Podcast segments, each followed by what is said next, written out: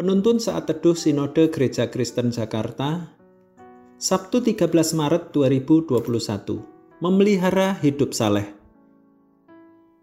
2 Petrus pasal 1 ayat yang pertama sampai ayat yang ke-8. Dari Simon Petrus, hamba dan rasul Yesus Kristus, kepada mereka yang bersama-sama dengan kami memperoleh iman oleh karena keadilan Allah dan Juru Selamat kita, Yesus Kristus kasih karunia dan damai sejahtera melimpahi kamu oleh pengenalan akan Allah dan akan Yesus Tuhan kita. Karena kuasa ilahinya telah menganugerahkan kepada kita segala sesuatu yang berguna untuk hidup yang saleh oleh pengenalan kita akan dia yang telah memanggil kita oleh kuasanya yang mulia dan ajaib. Dengan jalan itu ia telah menganugerahkan kepada kita janji-janji yang berharga dan yang sangat besar, supaya olehnya kamu boleh mengambil bagian dalam kodrat ilahi dan luput dari hawa nafsu duniawi yang membinasakan dunia. Justru karena itu, kamu harus dengan sungguh-sungguh berusaha untuk menambahkan kepada imanmu kebajikan, dan kepada kebajikan pengetahuan, dan kepada pengetahuan penguasaan diri, kepada penguasaan diri ketekunan, dan kepada ketekunan kesalehan, dan kepada kesalehan kasih akan saudara-saudara, dan kepada kasih akan saudara-saudara, kasih akan semua orang.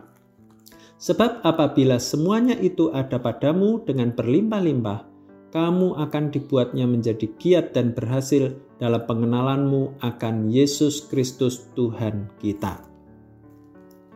Pernahkah Anda mengalami perasaan tidak bertumbuh di dalam pengenalan akan Tuhan karena masih sering jatuh bangun di dalam dosa? Perasaan ini dialami oleh banyak orang percaya. Ya, memelihara hidup saleh memang tidak mudah. Petrus menasehatkan tentang memelihara hidup saleh. Di dalam pengenalan akan Tuhan, orang percaya perlu belajar tentang kebajikan, ketekunan, kesalehan, dan kasih kepada sesama. Langkah menuju kehidupan yang saleh adalah dengan cara selalu mengejar kebaikan. Kejarlah kebaikan dengan penuh semangat dan terus berjuang melakukan kebenaran.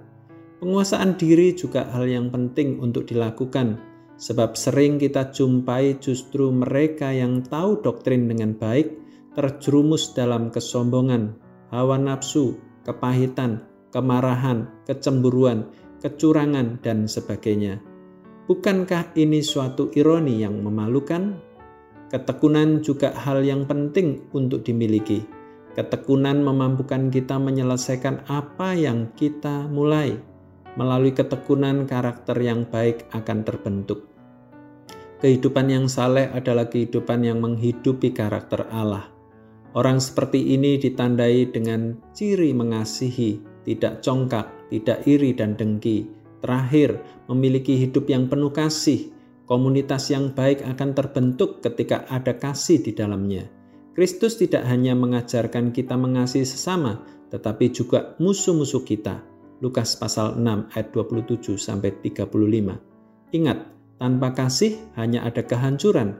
Inilah sederetan kualitas yang perlu ada dalam menjalani kehidupan iman Kristen kita.